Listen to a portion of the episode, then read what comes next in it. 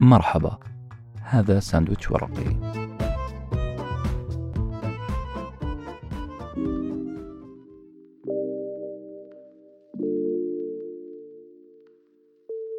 قال لها أحبك.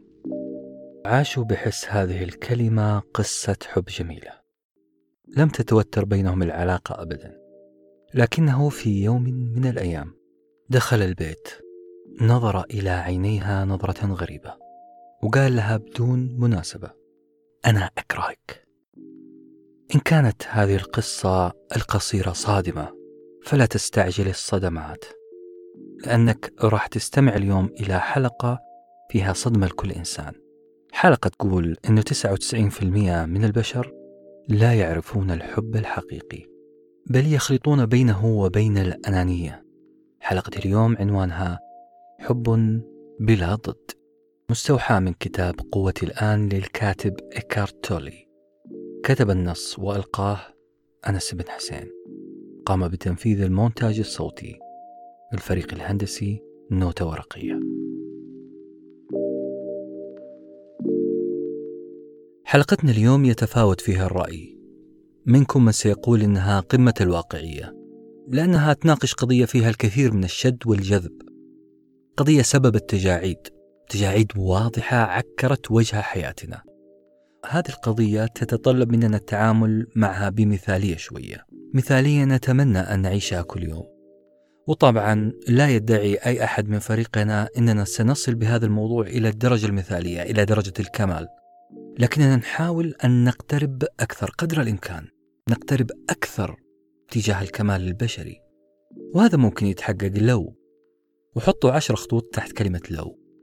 لو نوينا أن نرتقي لو كنا نبى نقترب خطوة إلى الكمال لو نوينا أن نحب بمسؤولية. عزيزي المستمع والمستمعة خلونا نكون صريحين مع بعض. ما في إنسان جريء كفاية يقدر يقول لشريك حياته الجملة اللي قلناها في بداية البودكاست ما حد يقدر يقول للثاني أنا أكرهك أو أنا أكرهك. صعب جدا نقولها صعب جدا تقول أنا ما أقدر أعيش معك دائما ما نستخدم عبارات نوعا ما تجميلية مجملة أكثر. نلطف مواقف الانفصال عادة بعبارات أخف زي العبارة الإنجليزية المشهورة It's not you, it's me. يعني سبب الانفصال أنا مو أنت. العيب في أنا مو أنت.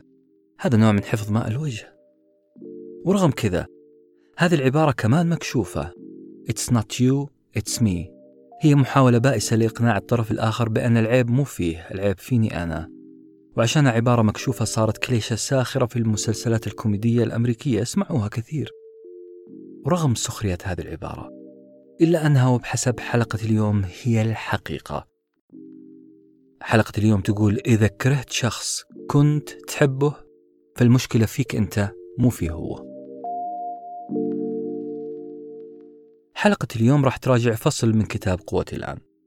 عنوان الفصل يقول علاقة الحب بالكره بالتحديد من صفحة 123 إلى صفحة 130 ولأنه هذا الفصل بالذات عن 100 كتاب قررنا تكون له حلقة منفصلة. ورغم كذا يبقى سؤال مهم. ليه اخترنا هذا الفصل بالتحديد؟ لأني أتحدى الجميع زي ما أتحدى جميع أصدقائي. هذا الموضوع راح يفكك قضية تهم كل واحد فينا. قضية تمس شعور إنساني. هذا الشعور يكاد يكون الأشهر والأكثر تداولا في حياتنا العامة والخاصة. موضوع الساعة في الأدب في الشعر في الرواية حتى في السياسة. القضية اللي ينوح لأجلها المطربين وتهدر بسببها دماء الأقلام ودموع المحبين. الموضوع باختصار هو عن قضية شعوري الحب والكره. إحنا بنتكلم عن قضية عاطفية زوج تجاه زوجته أو العكس أب لابنه أو العكس أم لابنها أو العكس صديق لصديقه إلى آخره. قضية استقرار هذه العلاقات وبنائها أو هدمها هي قضية حساسة في حياتنا. لا تقول أنا لا مبالي لا تقولي أنا لا مبالية وما يهمني العلاقات أبدا. إذا كانت علاقتك بنفسك أولا ثم علاقتك باللي حولك كانت علاقة صحية. صدقني الاستقرار النفسي حيساعدك تبدع حيساعدك تنجح حيساعدك في حياتك العملية. صعب نفصل هذه عن هذه. لذلك إحنا نقول الموضوع يبدو إنه موضوع مثالي لكن إذا صلحت علاقاتك وخاصة فهمك للحب والكره حياتك حتتغير. حياتك العملية. لا أنا ولا إيكارتولي ولا أي أحد في الدنيا يقدر يفرض عليك فهم لظواهر اجتماعية أو ظواهر وجدانية زي الحب والكره. ما حد يقدر يفرض عليك تعريف محدد لكن بعض التعاريف تقربك خطوة من تصالح كبير جدا من خطة عملية خطة مفيدة نفسية وصحية لك لفهم المفاهيم الوجدانية. تكاد تجربة الحب أن تكون التجربة الإنسانية الأهم في الحياة. بها تكتمل أركان الحياة. كيف لا يكون الحب أهم القضايا وهو الشعور اللي نحس معه بالاطمئنان والكمال؟ نجد ذواتنا من خلال الاقتران بشخص آخر مكمل لنا نصف الآخر. أنا ماني وحيد في هذا العالم. أنا والطرف الآخر واحد. عارفين هذا الشعور إيش؟ شعور كبير بالدعم والاطمئنان. بتشبيه بسيط. الحب هو توأمة الأرواح. هو علبة ألوان حياتنا. هذه الحلقة صنعت بطريقة خاصة. صنعت لتقول لكل من يسمع الآن لك أنت ولك أنت. بإمكاننا نعيش بطريقة أسهل. بإمكاننا نعيش علاقة حب مثالية مع من نحب. بدون كلاكيع بدون عقد زي ما طلب كاظم الساهر. بدون رمي تهم. إحنا حنرمي أطنان الكراهية خلف ظهورنا. راح نتصرف بطريقة طبيعية للغاية. راح نوفر طاقة كانت ستهدر في الحب والكره. طريقة بيور نقية جدا. مع مين؟ مع أعز الناس في حياتنا. مع من نحب. سنحب بكل مسؤولية. الفكرة الإجمالية للفصل اللي إحنا نتكلم عنه واضحة جدا. الحب الصادق ما له عكس ما له ضد. أنا شخصيا ألوم قواميس الثيسورس اللي هي قواميس المترادفات والمتضادات. يعني لو اشتريت قاموس thesaurus تفتح على كلمة بارد وتبحث. في عكسها تجد كلمة حار. تفتح على كلمة حار وتبحث عن مرادفة تجد كلمة ساخن. هذه قواميس ال thesaurus أنا ألوم هذه القواميس. ليه ألومها؟ عندما أجد كلمة حب مضادها كلمة كره. وكأنهما مفهومان متضادان. غلط كذا أبدا. هذا تضليل. الكره ليس عكس الحب. إذا كرهت شخص تأكد أنك ما كنت بالأساس تحبه. بالعربي ما كان حب صادق. تهيأ لك أنك حبيته. عندما تجرأت أنا أو أنت وقلنا كلمة أحبك. كنا وقتها نتكلم عن حاجة غير الحب. نقول إعجاب مثلا ود كيمستري كله جائز لكن حب لا. بلا صح لما تجاوزت وقلت إنك تحب إنسان ثم اكتشفت إنك تكرهه. أنت بالأصح كنت تتكلم عن حاجة ثانية غير الحب. أنت كنت تحاول تصلح بعض المشاكل في نفسك. كنت تجد في هذا الشخص معينا لك في تغيير شعور معين في داخلك. للأسف سميت أو سمينا زورا وبهتانا هذه المحاولة بالحب. خلينا نرجع خطوة لورا ونتكلم عن العاطفة عاطفة الحب بالتفصيل. ليه نقول إننا نحب فلان أو فلانة؟ بالعربي لأن كلمة حب تكملنا. إحنا كائنات نشعر بعدم الاطمئنان. إحنا كائنات نخاف من الوحدة. نحتاج للشعور بأهميتنا. خلينا نقولها على بلاطة. إحنا كائنات ناقصة بعض الشيء. الحب يكملنا. نحزن من أحداث الماضي. نقلق مما سيأتي في المستقبل. نحن نلهث في الحياة بهلع بتوجس من كل شيء. نحن نبحث عن من يطمنا ويربت على أكتافنا ويحتضننا. لذلك أقول زورا وبهتانا. سمينا ذلك الشخص اللي حسينا أنه حياخذ بيدنا بعيدا عن المشاكل وحيحل مشكلة النقص. سميناه حبيب وسمينا علاقتنا فيه حب. موجع هذا الكلام شوية موجع ويناقض بداية البودكاست اللي قلنا فيه أنه الحب يكملنا. حنفصل الآن النقص والخوف والاضطراب في حياتنا للأسف يساهم في رسم صورتنا اللي نشوف فيها أنفسنا كيف يعني؟ خلينا نوضح لما تسأل السؤال المهم السؤال الأول المفروض تسأل نفسك إياه مين أنا؟ ما هي مميزات هذه الأنا؟ ما هي صورة هذه الأنا وما هي صفاتها؟ عقلك راح يرجع بسرعة لتجارب الماضي راح يرجع يتفحص كل الصور الذهنية اللي خزنتها في ذاكرتك وكمان راح يروح يفحص ملفات المستقبل يعني توقعاتك للمستقبل. وبعد ما يفحص ملفات الماضي والمستقبل راح يجاوبك على سؤال من أنا. بكل أسف راح يجاوبك كالتالي. أنا ممكن تقول عني أني شخص مر بتجربة مريرة في الماضي. أنا شخص راح يكون بعد عشر سنوات في وضع سيء. ملاحظين معي صورة الأنا مليانة بتوقعات قلقة وذكريات حزينة شوية. مشكلة البشر أنهم يميلون إلى صنع سيناريوهات سيئة عن المستقبل وأنهم يتذكرون التجارب السيئة في الماضي. لذلك عندما يجاوبون عن السؤال الأهم من أنا يستدعون هذه الملفات لأنها هي الملفات الأبرز في عقلنا. ملاحظين المشكلة؟ ملاحظين مشكلة لما نعرف نفسنا بالاعتماد على أحداث الماضي وتوقعات المستقبل؟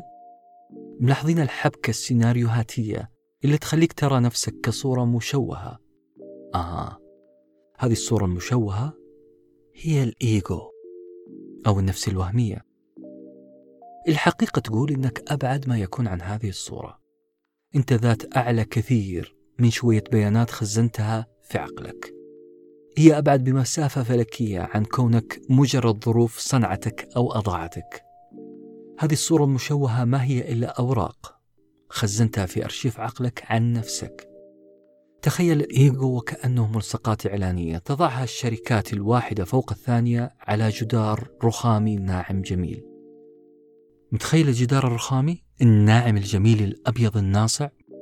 جاتك الشركة الأولى ووضعت إعلان صورة راقصة مشهورة. الشركة الثانية حطت صورة رجل غاضب. الشركة الثالثة صورة ثالثة لإعلان طفل يبكي وهكذا. هذه الصور هذه الملصقات قاعدة تشوش على الرخام الناعم الجميل. لذلك نقول أنت ذات ناصعة لكن الملصقات الكثيرة تحاول تشويها. الإيجو بهذه الملصقات اللي قاعد تلصقها توهمك بأنه أنت البكاء أنت الغضب أنت الرقص بحسب الملصقات. هذه الملصقات لها متطلبات فيها نواقص كثيرة وتحتاج من يساعدها. الإيجو دائما يحتاج مساعدة. والسؤال المهم الآن مين اللي راح يساعدك في تحقيق هذه المتطلبات؟ مين اللي راح يكمل النواقص؟ باختصار شديد هو الشخص نقول عنه إنه حبيب. هنا المشكلة. بلا صح هنا لب المشكلة. الإيجو يبحث عن غذائه في شخص آخر. هذا الشخص إذا غذانا راح نعلن حبنا له. الإيجو أو النفس الوهمية من سماتها إنها خائفة دائما ناقصة ومليانة كلاكيع. أحيانا أنت تشكل الإيجو الخاص فيك بناء على ملامح وجهك تضاريس جسمك بلاغة لسانك أو أو أو. قد تكون فيك ميزة فعلا في جسدك أو وجهك أو لسانك. لكنها تبقى ميزة هي شكل خارجي هي سلوك يظهر للناس. بينما أنت ذات أبعد من هذه الميزات. أبعد من الشكل والسلوك واللسان. لو اعتمدت على هذه الميزات فقط على الشكل أو السلوك لو اعتمدت بالعربي على ميزة فيك ومن خلالها تعرف نفسك بهذه الميزات فبالتأكيد أنت ستتوقع ردات فعل معينة من الناس. يعني عيونك حلوة تتوقع أن الناس يمدحون عيونك. سلوكك لبق سيمجدونك عشان سلوكك لبق. أنت قاعد تعتمد في تعريف ذاتك على آراء الناس ومدحهم. في هذه الحالة وهذه الحالة بالذات لما تجد الناس تغذي لك الإيجو سيكون الناس كل شيء في حياتك. هم غذائك هم مصدر حياتك. لذلك نقول أنت أرقى من كونك ذات لا تعيش إلا على غذاء من الآخرين. أنت لا تبحث فقط عن مكملاتك من أشعار الغزل اللي قيلت فيك في الماضي. أنت لازم ما تفهمين نفسك من سيناريوهات المانشتات الصحفية اللي راح تكتب عن عظمتك في المستقبل. لست ذاتا تبحث عن نفسها خارج النقطة الحالية خارج الآن. الذات الحقيقية هي ذات تعيش هنا والآن. بالعربي أنت لست عقلا مفكرا ينبش في ملفات الماضي ويكرهه. لست عقلا قلقا من المستقبل. أنت مو مجرد مآسي الماضي بسبب نشأة مؤلمة أو تربية صعبة. أنت مو عقل يسافر للمستقبل بكل ما يحتويه هذا المستقبل من قلق وخوف من الغيب.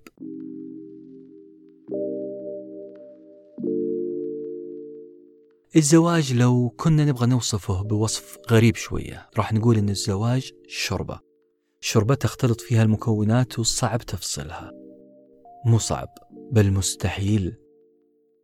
الشخص اللي عايش إيجو عالي. يعتقد أن العلاقة راح تكون إيجابية فقط إذا تمت تلبية متطلبات الإيجو. يعني إذا كانت العلاقة إيجابية في كل شيء. لازم يا الطرف الآخر توفر لي الأمان تغذي احتياجاتي العاطفية وإلا فإن علاقتنا خطأ. يعني أنا راح أكرهك. الجوانب الإيجابية في العلاقة كثيرة. أبرزها اللحظات الرومانسية بين الزوجين أو الحبيبين. هذه اللحظات اللي يسميها البعض حب.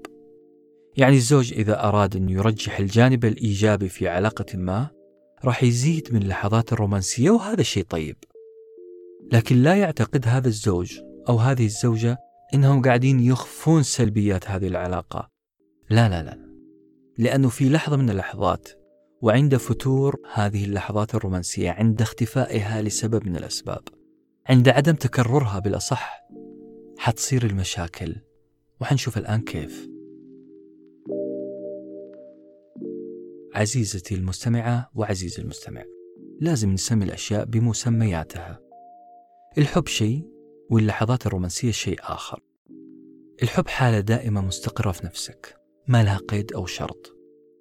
مرة ثانية الحب هو حالة دائمة مستقرة في نفسك. ما لها قيد أو شرط. هي ما هي معادلة شرطية؟ إذا حصل إكس حبيتك. وإذا ما حصل إكس كرهتك. يعني الحب ما يتصنف كالتالي. إذا تواجدت الأوقات الرومانسية أنا حبيت. وإذا اختفت أنا بدأت أكره. وخلال كلامي هذا بدأت أستحضر كلام لأدونيس حين قال الحب جسد أحن ملابسه الليل. أدونيس وصف الحب بطريقة غريبة وهو صادق في وصفه. مرة ثانية أدونيس يقول الحب جسد أحن ملابسه الليل. يعني الحب ما هو الليل ولا هو اللحظات الجميلة. الحب شيء خلف هذه اللحظات وأبعد. الحب هو شعور باقي ودائم. جاء الليل راح النهار الجسد باقي. صحيح أن اللحظات الرومانسية تجمل هذا الحب أو صفة من صفات الحب. صحيح أن الليل هو جو الرومانسيات لكن يبقى الحب جسد وليس شيئا طارئا كالليل. أها إذا الجسد يتجمل بملابس جميلة والحب يتجمل بالليل. كلام معقول. هذا هو وصف أدونيس للحب. الحب شيء خلف اللحظات الرومانسية وأبعد. الحب شعور باقي ودائم أما الرومانسيات فهي لحظات لها ظروفها. فمن المفترض أنه إذا راح الليل بقي الجسد. إذا راحت اللحظات الرومانسية يبقى الحب. المفترض أن الحب باقي واللحظات الرومانسية هي المؤقتة. أي علاقة فيها جوانب سلبية؟ سهل جدا أن نصيد هذه الجوانب السلبية. سهل جدا. اسألوا أي شخص متزوج أو أي إنسانة متزوجة. أو اتركوهم يتكلمون بعفوية. ستجدون أنه في عيوب تطلع في الطرف الآخر. في عيوب تطلع في الزوج وعيوب تطلع في الزوجة. يعني إذا تغير شريك حياتك بسبب انشغاله أو انشغالها في العمل راح تشوفه في حالة مزاجية سيئة حالة جسدية ما تحب تشوفه فيها. سهل تلاحظ التغيير سهل تلاحظ الغيرة والطمع والكسل واللامسؤولية. حتلاحظ جوانب سيئة زي حب الامتلاك زي رمي الخطأ على الآخر مليانة ذي الأشياء في العلاقات. لأننا بشر أمزجتنا تتغير تربيتنا مختلفة. هذه العيوب كلها ممكن تتناقش ممكن تنطرح بصورة ودية بصورة غير مباشرة ويتم التفاهم عليها. ممكن بعض العيوب نتجاوزها لأنه لجل العين تكرم مدينة. بعض العيوب الطارئة زي الانشغال مثلا أو الإهمال في وقت من الأوقات. أو التغيرات الجسدية أو التعب أو الحالة النفسية المضطربة نوعا ما. هذه تمر علينا كلنا. الحياة فوق وتحت. لن أستطيع أن أعطيك نفس العطاء بنفس المستوى كل يوم. لن أستطيع جعل حياتنا كلها لحظات رومانسية. وفي حالة أدونيس لن أستطيع جعل حياتنا كلها ليل عشان يسعد ذلك الجسد. طرفي العلاقة ما هم عناصر كيميائية تمشي بقوانين ثابتة. الجوانب السلبية واردة. وهذا كله يعطينا معنى عبارة قلناها قبل شوية. الإيجابيات والسلبيات في العلاقة متشابكتين. هي فعلا أشبه بالشوربة. في جوانب إيجابية في أي علاقة زي اللحظات الرومانسية. أنت تشعر في تلك اللحظات أنك على قيد الحياة بل في أعلى مراتب الحياة. المشكلة فين في السيناريو الوردي؟ المشكلة هي الإدمان إدمانك للجوانب الإيجابية في العلاقة. اللحظات الرومانسية حتصير مثل المخدرات. إذا توفرت طرت في السماء من النشوة. وإذا غابت راح تتحول لوحش مفترس يطلب المخدر. هذا الشخص المدمن والذي يغضب ويرضى بمؤثرات خارجية هو الإيجو اللي بداخلك. بالعربي الفصيح ومن الآخر إذا خليت الإيجو يسيطر عليك إذا شهيتك انفرجت للجوانب الإيجابية فقط في العلاقة فلن ترضى بغيرها. لأنه في حالة حرمانك من هذا التألق وال mood الرايق والعطاء راح تبدأ تسخط. ستجادل ستلاحظ العيوب وتذكرها. ستسم هذه العلاقة بميسم النقص. وهذه الحروق اللي بسبب الميسم صعب علاجها. إلا لو لحقت نفسك. لاحظ معي هذا المثال عزيزي المستمع والمستمعة. نفترض أنك راجع من العمل بعد ما وبخك مديرك ونعتك بضعف الشخصية أو عدم الكفاءة. أو همزك ولمزك أحد الأقرباء وشكك في عدم أهليتك لأن تكون فردا من أفراد العائلة. أنت غير محبوب. نوع من التنمر خلينا نقول. راح تدخل البيت وأنت في أرفف عقلك ملفين خطيرين سامين. أنت زي ما يقول الإعلان التجاري أنت مو أنت. راح تدخل بيتك بنفس غير حقيقية نفس وهمية غير واثقة نفس متشككة في قوتها في جاذبيتها في أحقيتها في الاحترام. هذا الإيجو اللي دخلت فيه البيت راح يبحث عن ذاته راح يبحث عن حل عن علاج عن مخدر. حتدخل بيتك تحاول تكمل هذه النواقص. بالتالي وبالتأكيد راح تبدأ في التهام كل من يقابلك في البيت. زوجتك المحبة مثلا راح تدور في كل كلمة تقولها عن ما يغذي هذا الإيجو بالعربي أنت تبغى مدح تبغى تربيته على الكتف. طيب إذا لم تعطيك الزوجة هذه الوجبة للإيجو إيش اللي حيصير؟ قد تسخط وتلعن هذه العلاقة وقد تصل إلى قصة صاحبنا اللي في بداية البودكاست قائلا أنا أكرهك. أعتقد الآن واضح جدا سبب الكره. السبب It's not you. It's me. فعلا. المشكلة ما هي في الطرف الآخر. المشكلة في أنا. نيجي لزبدة الحلقة. إذا عرفت نفسك بناء على محيطك الخارجي فطبيعي أنك حتبحث عن إكمال نواقصك في هذا العالم. لما يكون تقييمك وتعريفك لنفسك تستلقيه من كرسي الإدارة. أو حتى وجهك إذا كنت جميل. إذا كنت تعيش على هذا الإيجو فأنت تعيش إيجو معقد. لن ترضى إلا بتلبية احتياجاته. إذا اختفت ملامح الشباب اللي كانت تزين وجهك راح تبدأ تفقد إحساسك بنفسك لأنك كنت معرف نفسك بناء على مظهرك الخارجي. وقتها سينقلب حبك لذاتك إلى كره. يا جماعة حتكتشف في النهاية إنك كنت ما تحب نفسك فعلا بل كنت تحب شوية جلد مشدود. طبيعي أن تتحول علاقتك بنفسك وللآخرين إلى كره إذا الطرف الآخر لم يوفر لك السيناريو الدقيق الذي يعرف من تكون. والحل القول الجلي عند إيكارت تولي هو كالتالي حب بمسؤولية. كيف أحب بمسؤولية؟ ببساطة اعرف نفسك حق معرفتها. لأنه بصراحة إذا ما حسيت بذاتك هنا والآن فأنت ما عرفت نفسك. يعني بدون ما تصل للأمان النفسي والعاطفي الكافي بنفسك ولنفسك ستبقى إنسان خائف محتاج متطلب. وتبدأ معها رحلتك بالبحث عن مكمل لكل نقص. حتحتاج إلى ترياق لكل مرض. حتحتاج لمهدئ لكل قلق. من النهاية راح تدخل في حب شرطي. لو وفروا لك الطرف الآخر حبيته. ولو ما وفره كرهته. في النهاية إكرتولي مؤلف كتاب قوة الآن يعطينا ترمومتر نقيس فيه هل أنت تعيش الإيجو أو لا. يقول لك إكرتولي الحب لا ضد له. أكمل أركانك النفسية. وارفع وعيك بذاتك الحقيقية.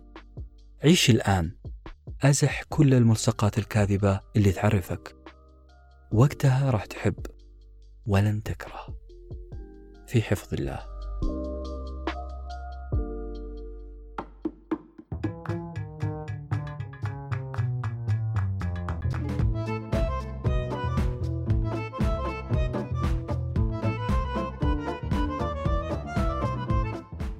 في هذه الحلقة استطعنا الوصول لنتيجة من خلال إعادة تعريف مفهومي الحب والكره.